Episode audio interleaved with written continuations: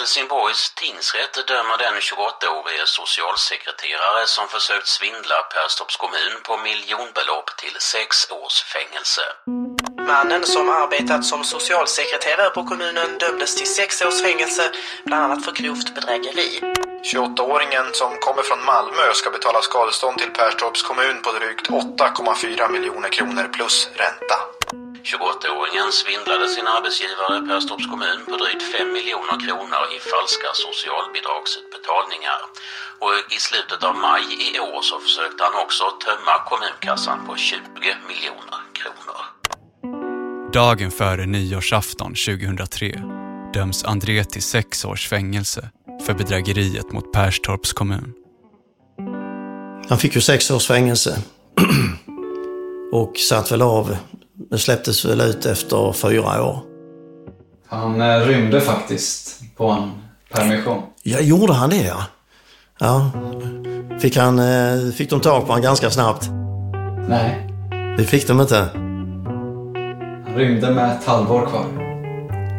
Menar du det? Åh, herregud ja. Anstalten i Västervik ser ut som ett sovjetiskt högkvarter.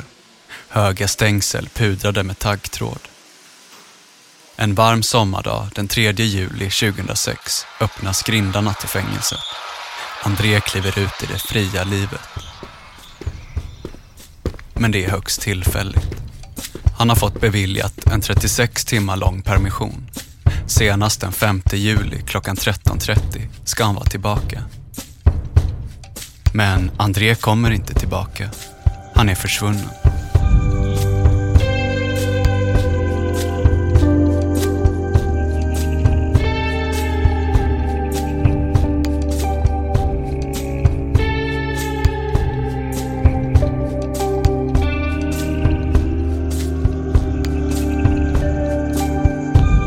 Third Ear Studios presenterar Skuggland Socialsekreteraren. En serie i åtta delar av Mårten Trofast.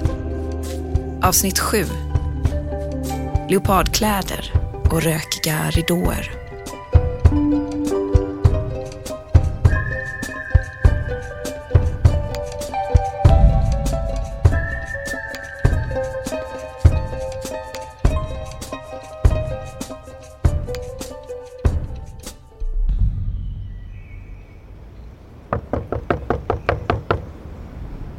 En sen kväll 2004 knackade på dörren hemma hos en person som vi kan kalla Lena. Utanför Lenas dörr står två poliser och berättar att hennes mamma precis har gått bort. Knappt 60 år gammal. När polisen hittade henne hade hon legat död i sin lägenhet under en väldigt lång tid och dödsorsaken är oklar. Jag vet ju inte exakt eh, det ögonblicket hon dog, men det tyder på att hon har försökt ta sig till telefonen. Jag fick ju se hemmet som det var och då ser man att hon har börjat göra frukost och lagt fram kläder på morgonen. Men i min papperna så ser jag att hon har fått cancer som jag vet går ganska snabbt. Sån här i någon in, kan det vara binjurar. Så jag tänker om det har med det att göra, jag vet inte. Lena och hennes mamma har haft en icke-existerande relation. Lena vet nästan ingenting om sin mamma. Men moderns död ska leda Lena rakt in i en värld hon inte vet någonting om. Och när hon kliver in i dödsboet möts hon av en märklig syn. Ett rum är fullt av kollegieblock. Det var det sjukaste jag sett. När Lena kliver in i sin mammas sovrum är det fyllt av hundratals, ja kanske till och med tusentals kollegieblock. Med skrifter, dikter, texter och jättekonstiga ritningar. Det du ser nu är karta med, ska vi säga, fullt av siffror och streck. Lena visar ett av papprena. Det är ett rutnät med bokstäver och siffror i olika färger och mönster i oändlighet. Det ser ut som något slags system. Överdetaljerat. Det här har ju säkert tagit flera dygn att göra det här. På ett av papperna ser det ut som att mamman ritat något som liknar en amfiteater. Tänker en rund ring med stigande kanter. Teckningen är döpt till Dödsdomstolen. Och mitt på scen har mamman ritat en voodoo-liknande karaktär som hon döpt till Lena. Så, så har hon ritat upp den här dödsdomstolen och med mig i mitten och så, så det var väldigt kusligt. Lena har alltid vetat att det är något som inte riktigt stämmer med hennes mamma. Hon har aldrig förstått sig på henne. Och bland alla teckningar och dikter och kollegieblock hittar Lena något annat. Det är en journal, en diagnos. Hennes mamma led av schizofreni, paranoid schizofreni. En psykossjukdom som gör det svårt att skilja på vad som är verkligt och vad som är fantasi. En känsla av att vara ständigt övervakad och en tro på övernaturliga krafter. Journalen, pappret med mammans diagnos, blir en förklaring på mycket av det hon utsatt Lena för. Vill du samtidigt att vi, jag visar bilder medan jag berättar? Det får du gärna göra. Då, då kan jag en passande bild att börja med då. Vi ska ta allt från början. Kan ju vara den här. Lena föds i Skåne i mitten av 60-talet.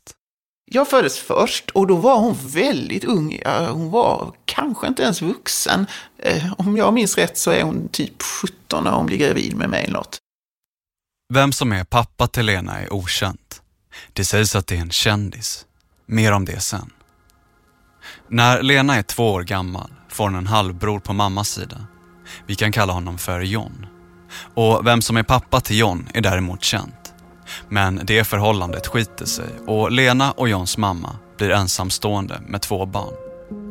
Och här kan du då se, jag tycker det är lite symboliskt, eh, för det är jag och min, min halvbror. Precis innan vi bara blir dumpade på en ekonomiavdelning på socialkontoret av vår biologiska mor. Hon dumpade bara oss med en påse, så när de stängde socialkontoret så satt det två små barn. Så det är i de åldrarna, han, han var typ ett och jag var typ tre. Och eh, så står där bara, eh, lämna dem till, eh, ja, jag vill inte säga det namnet högt. Lena menar att hon och hennes bror John blir dumpade på socialkontoret i Malmö i slutet av 60-talet. Där finns en liten handskriven lapp som deras mamma författat. Det står ett familjenamn och kontaktuppgifter. Det är de hon vill ska ta hand om barnen. Och efternamnet som står på lappen, det är en familj som Lena varit tillfälligt placerad hos tidigare och som hon hatar. Så då hade vi oturen att hon lämnade oss till de här fruktansvärda sadistiska, och det kunde hon i och för sig inte veta, men det är ju ett fruktansvärt öde för oss. Lenas fostermamma har ett järngrepp om hela Lenas tillvaro. Hon misshandlas med örfilar och nyp under bordet. Men den fysiska misshandeln är lindrig i jämförelse med den psykiska.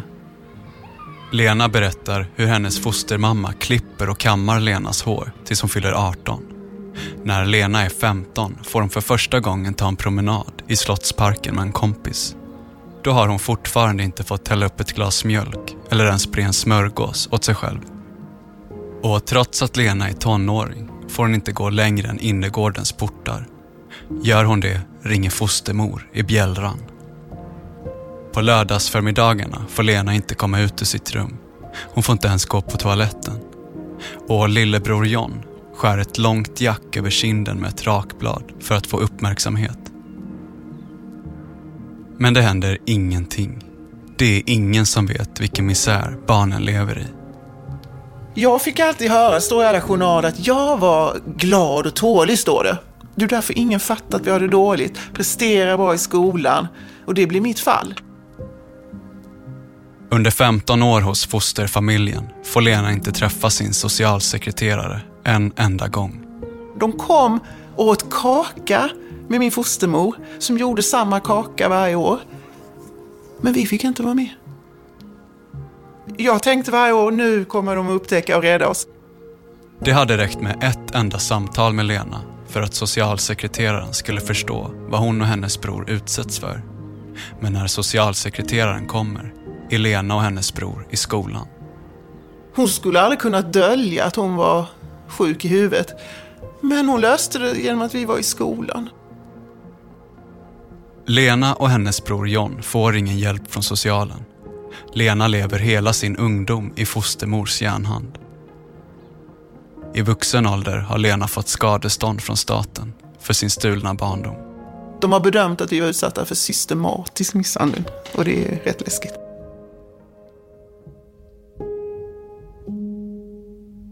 Efter att Lenas mamma dumpat sina barn på socialkontoret försvinner hon helt ur bilden.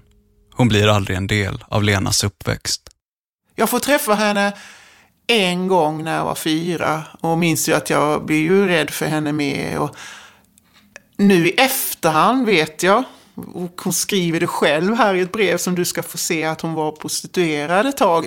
Och ja, konstigt nog, jag var ju bara fyra, men det är faktiskt bilden av en... För jag ser sådana här, ni vet, leopardkläder och konstiga gardiner och sånt. Jag fattar inte det då, men det var skumt och dekadent. Sen var det ju 70-tal, så jag vet inte, det kanske var inne med rökiga ridåer och leopardkläder. Men på tal om min bild av henne, sen försvann hon helt. Ja. Sen ser jag inte henne förrän helt bisarr situation som jag tror du vill höra. Men det kan vi ta sen, för då är jag 14 år och då är André med i spelet. I mitten på 70-talet träffar Lenas mamma en ny kille. Sen möter hon en man som hon tycker om. Den enda jag tror, eller en av de få som hon tyckte om och gifte sig med.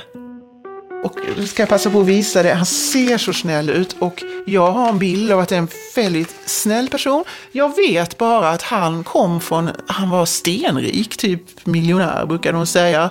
Så han kom från en lite fina familj. Och här vill jag visa massa bilder. Det handlar alla om vilken liksom, revolution det var i hennes liv med familjelycka. För då har hon ju dumpat oss och, och det står ju iskallt här, hon har löst det problemet, hon blir av med oss. 1975, när Lena är sju år gammal, får hon en till lillebror. En halvbror på mammas sida. Han heter André. Lena är alltså Andrés stora syster. Hon vill inte avslöja sitt riktiga namn. Och som ni kanske hör så har vi också förvrängt hennes röst lite grann.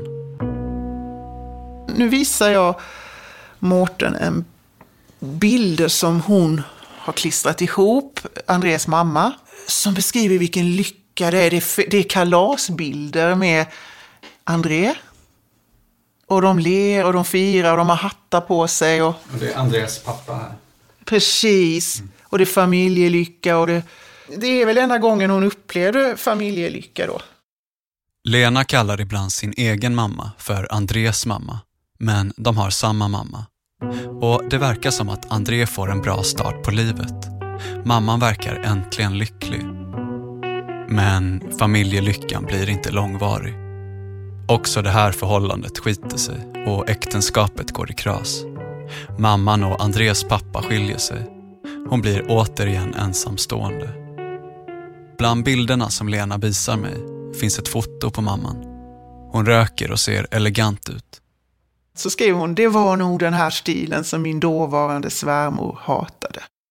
Lena och André växer upp på helt skilda ställen.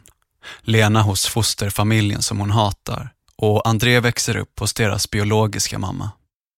Och då finns ju inte jag alls i bilen så jag kan ju inte säga vilket tillstånd hon var. Men av någon anledning så hon dumpade inte honom och SOS eh, kom inte och tog honom. Utan han pendlade mellan henne och fick jättedjupa band till en annan kvinna. Kan du gissa vem? Kanske er mormor? Mormor, mormor. Andres mormor då, som han knöt starka band till, hon kom till Sverige med de här vita bussarna eh, och har suttit i fyra hemska koncentrationsläger. Och ja, höll ju inte på att överleva, men hon överlevde och blev räddad i sista sekund. Kommer till Sverige, hamnar här i Skåne. Hon hamnar väl inte så himla långt från Perstorp, men mer mot Helsingborgshållet.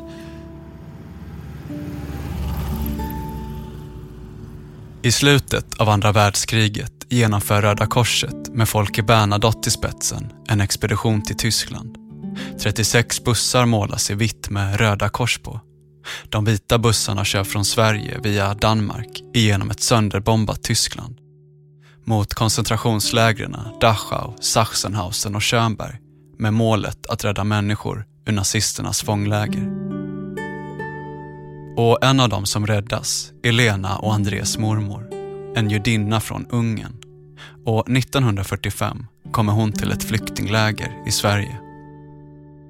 I de här barackerna när hon kom till Sverige så träffade hon en annan som kom av någon annan anledning från kriget och gifte sig med honom, en jättestilig man. Men de är krigsskadade, så redan där börjar de också lämna bort sina barn. Äpplet faller inte långt ifrån och så vidare.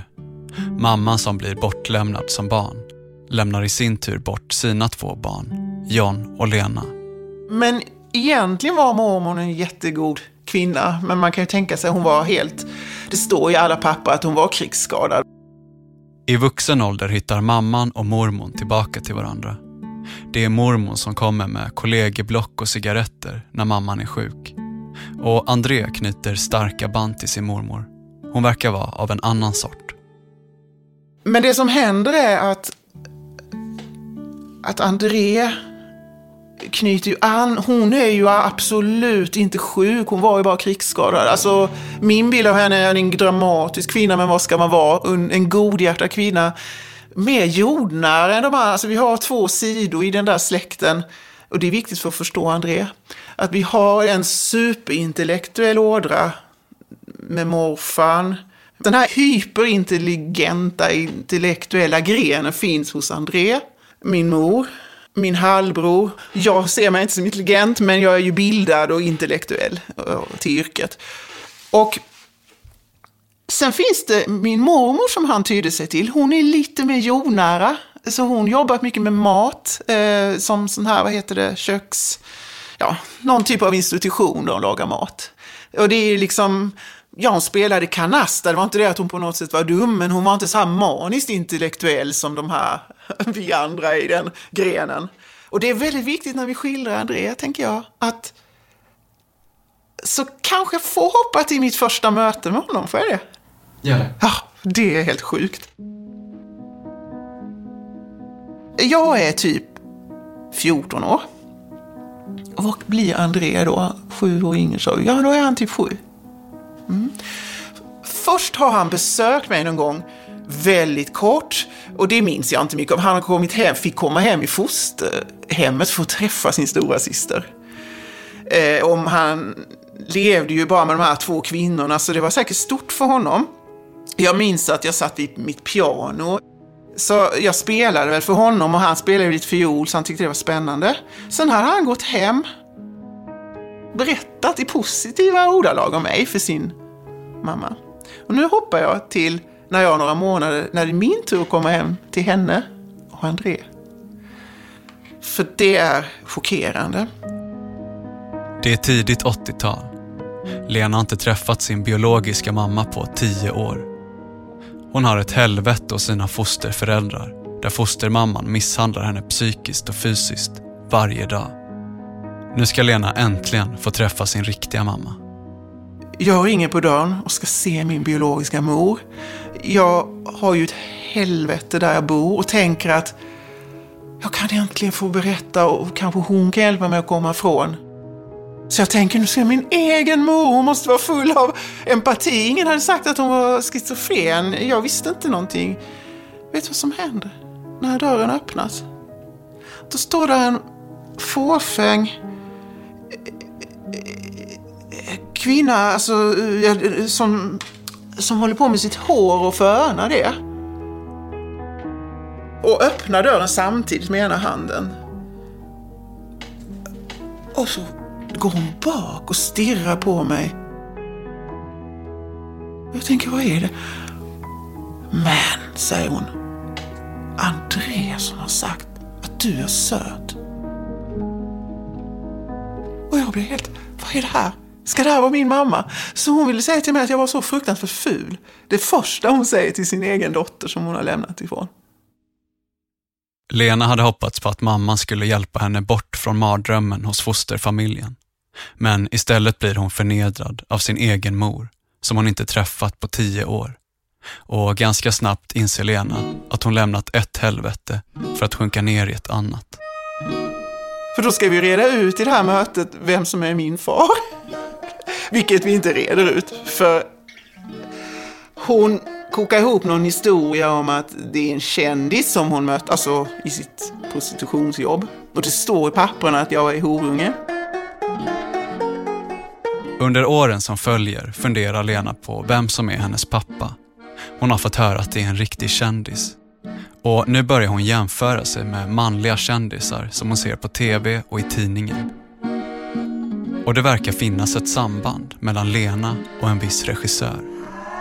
Så många gick och trodde jag var Ingmar Bergmans dotter, för jag har såna här sneda fingrar också och är konstnärlig. Så, för, för hon var ju det i Stockholm och träffade säkert, för hon var lite som fin lyxhora. Och nu ska Lena få reda på hur det gick till när hon föddes. När hon då berättar om det här att hon gjorde mig, jag gjorde dig. Uh, för det var ju så enormt eftersom han var så känd. Jaha, men tyckte du och ni om varandra? Tyckte om? Nej, han var ju iskall och så. så ja. Återigen får man en chock. Vad är det här för människa? Men då berättar hon utförligt. Men jag bestämde mig för att då måste jag ha barn med honom. Och då gick jag och drog ut min spiral. I soffan bakom Lena och mamman sitter André och tjuvlyssnar nyfiket. Och hon skäller ut honom. Hon tvingar honom att gå in på sitt rum och förnedrar honom. Där ska han räkna högt, om det var till 30 eller något innan han får komma ut igen. Så han får bli jättestraffad för att han vågar fråga vad en spiral är. Men hon har ju själv suttit och pratat om det och han är ju med i samtalet.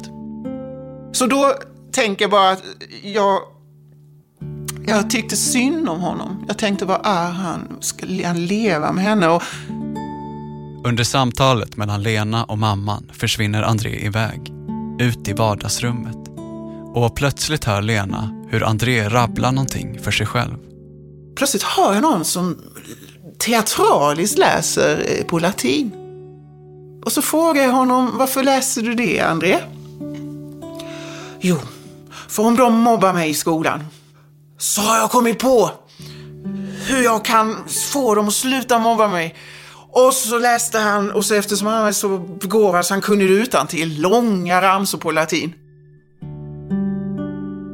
Men det var inte på ett galet sätt. Det var mer på ett gulligt, som ett barn gör när- när de inser att man måste skydda sig mot dumma skolkamrater. Och sen sa han också, och förresten så ska jag bli präst. Lena uppfattar sin lillebror André som lite annorlunda. En smart liten pojke som läser latin, spelar fiol och vill bli präst. Det är rätt udda intressen och sällsynta drömmar, tänker hon. Och här kan du se en bild när han faktiskt läser grekiska och går på latin. Och det här är ett reportage vi ser här från Arbetet, som är en skånsk tidning. Vi flyttar oss framåt i tiden, till 1995, när André är 20 år gammal. I ett stort uppslag i tidningen Arbetet sitter André i ett klassrum med en stickad kofta och perfekt sidbena. Han ser kulturell ut. Fotot är taget året innan André börjar på Socialhögskolan. Han ser ut som värsta upper class, ja André, pluggisen här. Eh, och så säger de här i reportaget, bara André har varit i Grekland, för de pluggar grekiska, de här studenterna. Och ingen planerar att åka dit i sommar. Om de kommer dit kan de dock inte prata med de vanliga invånarna. Den klassiska grekiskan är inte densamma som nygrekiskan. Men vi kan snacka med prästerna, säger André. Jag vet inte, det kanske jag gör en stor grej av det, men Otroligt mycket humor i det. ja, ja, det är det. Så kan man tolka det, va? Ja, hur tolkar du det? Ja, nej, nej, det är sant. Nej, Jag bara tänker på det här med prästerna i tema, men du har rätt i det. Det är ett skämt. Ja, såklart det är. Tillbaka till mötet när Lena är 14 och träffar sin mamma för första gången. Det blev inte alls som Lena hade tänkt sig. Ingen mamma som kom och räddade henne från det otäcka fosterhemmet. Istället blev hon förnedrad, fulförklarad. Och mötet blir också sista gången i Lenas barndom som hon träffar sin mamma och sin lillebror André. Lena vet inte hur André har det där borta hos mamman. Men enligt de journaler som hon läst tvångsomhändertas mamman i början av 90-talet efter en incident. I samband med det får hon diagnosen schizofreni och hamnar på psyket. Exakt hur länge mamman är på psyket vet inte Lena. Men sinom tid släpps hon ut och kommer ägna resten av sitt liv åt att förfölja sina barn. Usch, här kommer ett hot. Du undrade, vill du se ett hot till mig? Det är döpt nödfallshjälp. Så här sitter hon och planerar hur hon ska skada mig. Och i en mening så står det här undergräv först. Och så mitt namn, utropstecken. Visst är det lite läskigt? Hon var livsfarlig. Lena får dikter på alla hjärtans dag om hur usel hon är. Mamman gillar inte Lenas sätt. Det påminner om hennes egen mors. Den där präktiga tonen. Det värsta synd jag har gjort, vet du vad det är? Förutom att jag hade en präktig ton och liknar hennes mor.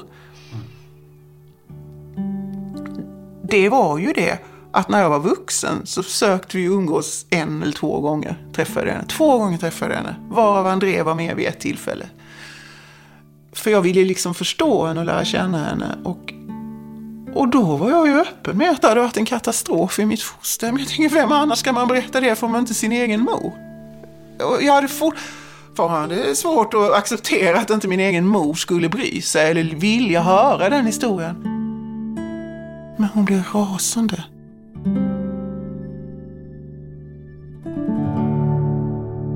Lena får inte ifrågasätta sin mammas val av fosterhem.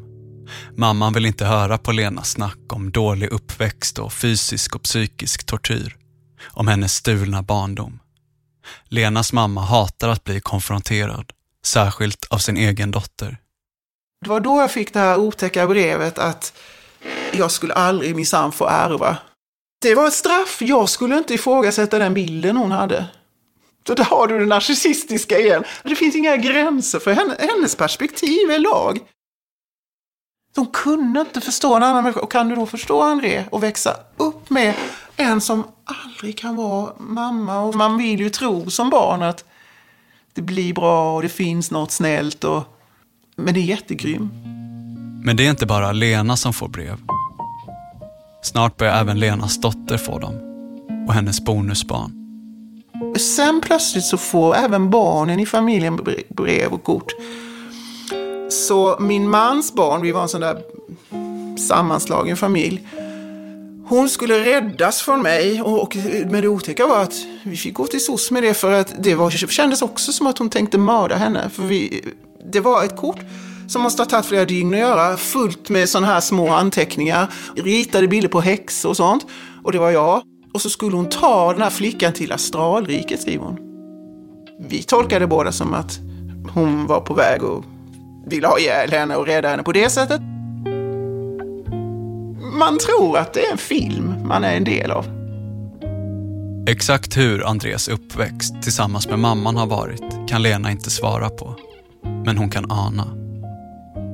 De få som fanns i hennes omgivning blev offer för henne på olika sätt.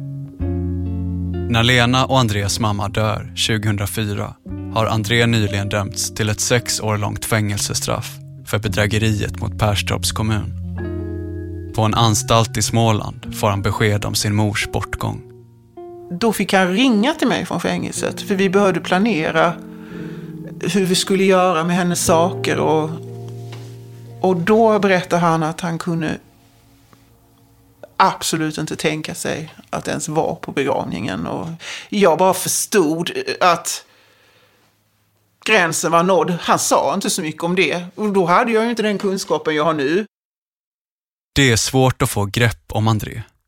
Det är en person som har haft en tuff barndom med en sjuk mor.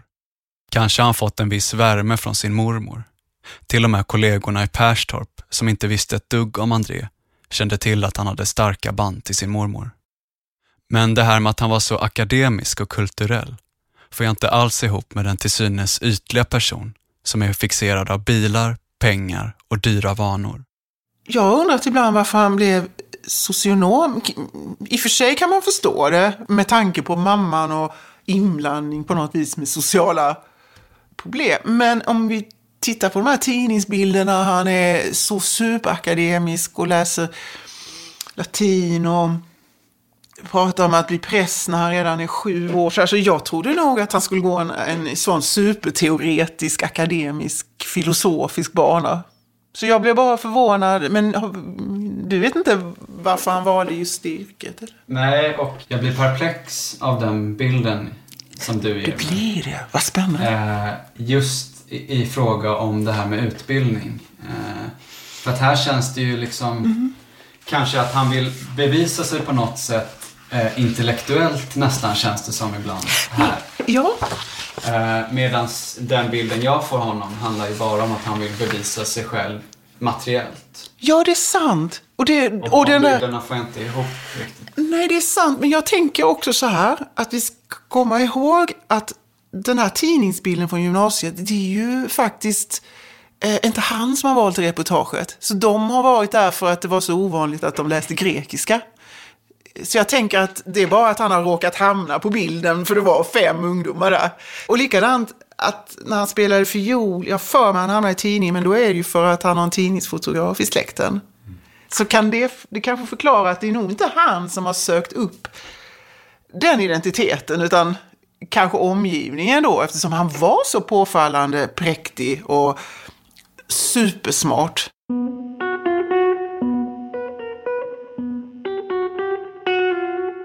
Jag tänker på det där med Andres pappa, som verkar varit en rik man. Exakt hur relationen mellan dem såg ut vet vi inte riktigt. Jag vet inte hur mycket kontakt de hade. Jag har känslan av att det inte var så jättemycket. Kanske kan det vara så att André fick betrakta sin pappas rika liv lite på distans, men aldrig riktigt var en del av det. Jag vet inte psykologin bakom att man plötsligt måste ha så mycket pengar, men han var utled på att vara fattig och det är möjligt, som så vet han att hans far var också så rik. Kan det spelat in kanske? Kanske. Jag tänker också på det där med Andres olika identiteter. Att han var André på socialkontoret och Andrew Winston privat. Precis som sin mamma verkar André ha olika personer. Men till skillnad från morsan tror jag att André själv styr vilken roll han vill spela för tillfället. Har ni någon brittisk koppling i familjen? Eller så? Inte vad jag vet. Nej. Han, han har ju haft ett eh, liksom, alias eh, som är Andrew Winston. Winston? Det visste jag inte. Ah. Jag tänker att han hade väl väldigt många vänner och kontakter. Och skulle det kunna vara det? För det är inte vad jag vet så är det inget i släkten som jag känner till. I så fall är det pappas sida, men jag skulle tro det är vännerna. Winston. Och sen var han André på kommunkontoret. Var det så? Ja. Oj, var han också någon sorts dubbelnatur, eh, tror du? Jag kände ju inte honom. Eh, alltså det verkar som att han har liksom velat visa upp att han levde ett flashigt liv för sina vänner. Liksom. Ja.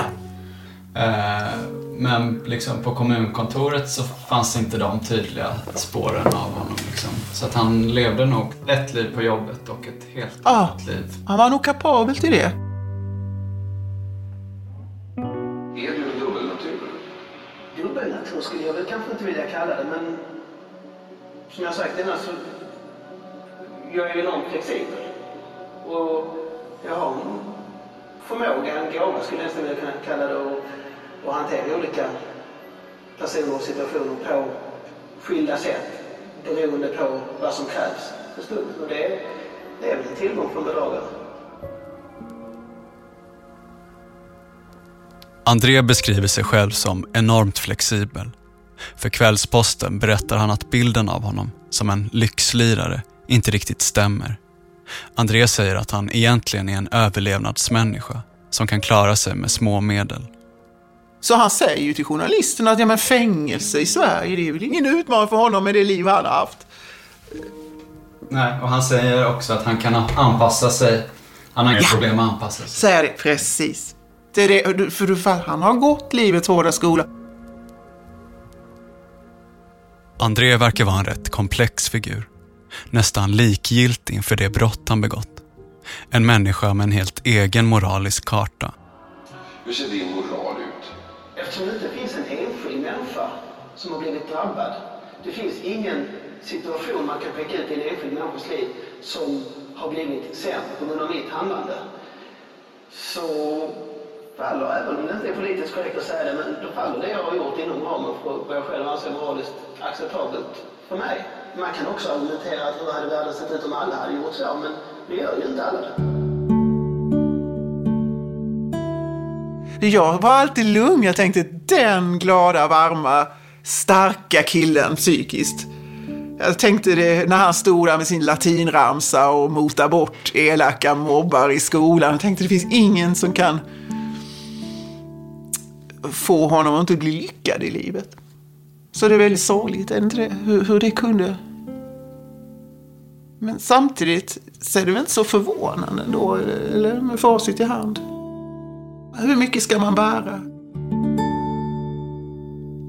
Så jag tycker det är tänkvärt och jag har ställt upp här idag för jag tänker att det jag kan ge både dig och honom och omvärlden det är ju en pusselbit kanske. Att förstå. Jag vill verkligen inte försvara brottsliga handlingar. Verkligen inte. Jag tycker det är fruktansvärt och chockartat. Men jag vill förtydliga och fördjupa bilden Lena har gett mig en inblick i Andrés liv och sitt eget. För en liten stund blir André mänsklig. Jag förstår vad han bär med sig.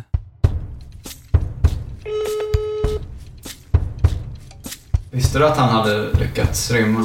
Det har jag hört på omvägar, men jag minns inte från vem. Vet du var? Då är det att jag har hört att han lyckades rymma till England. Hallå?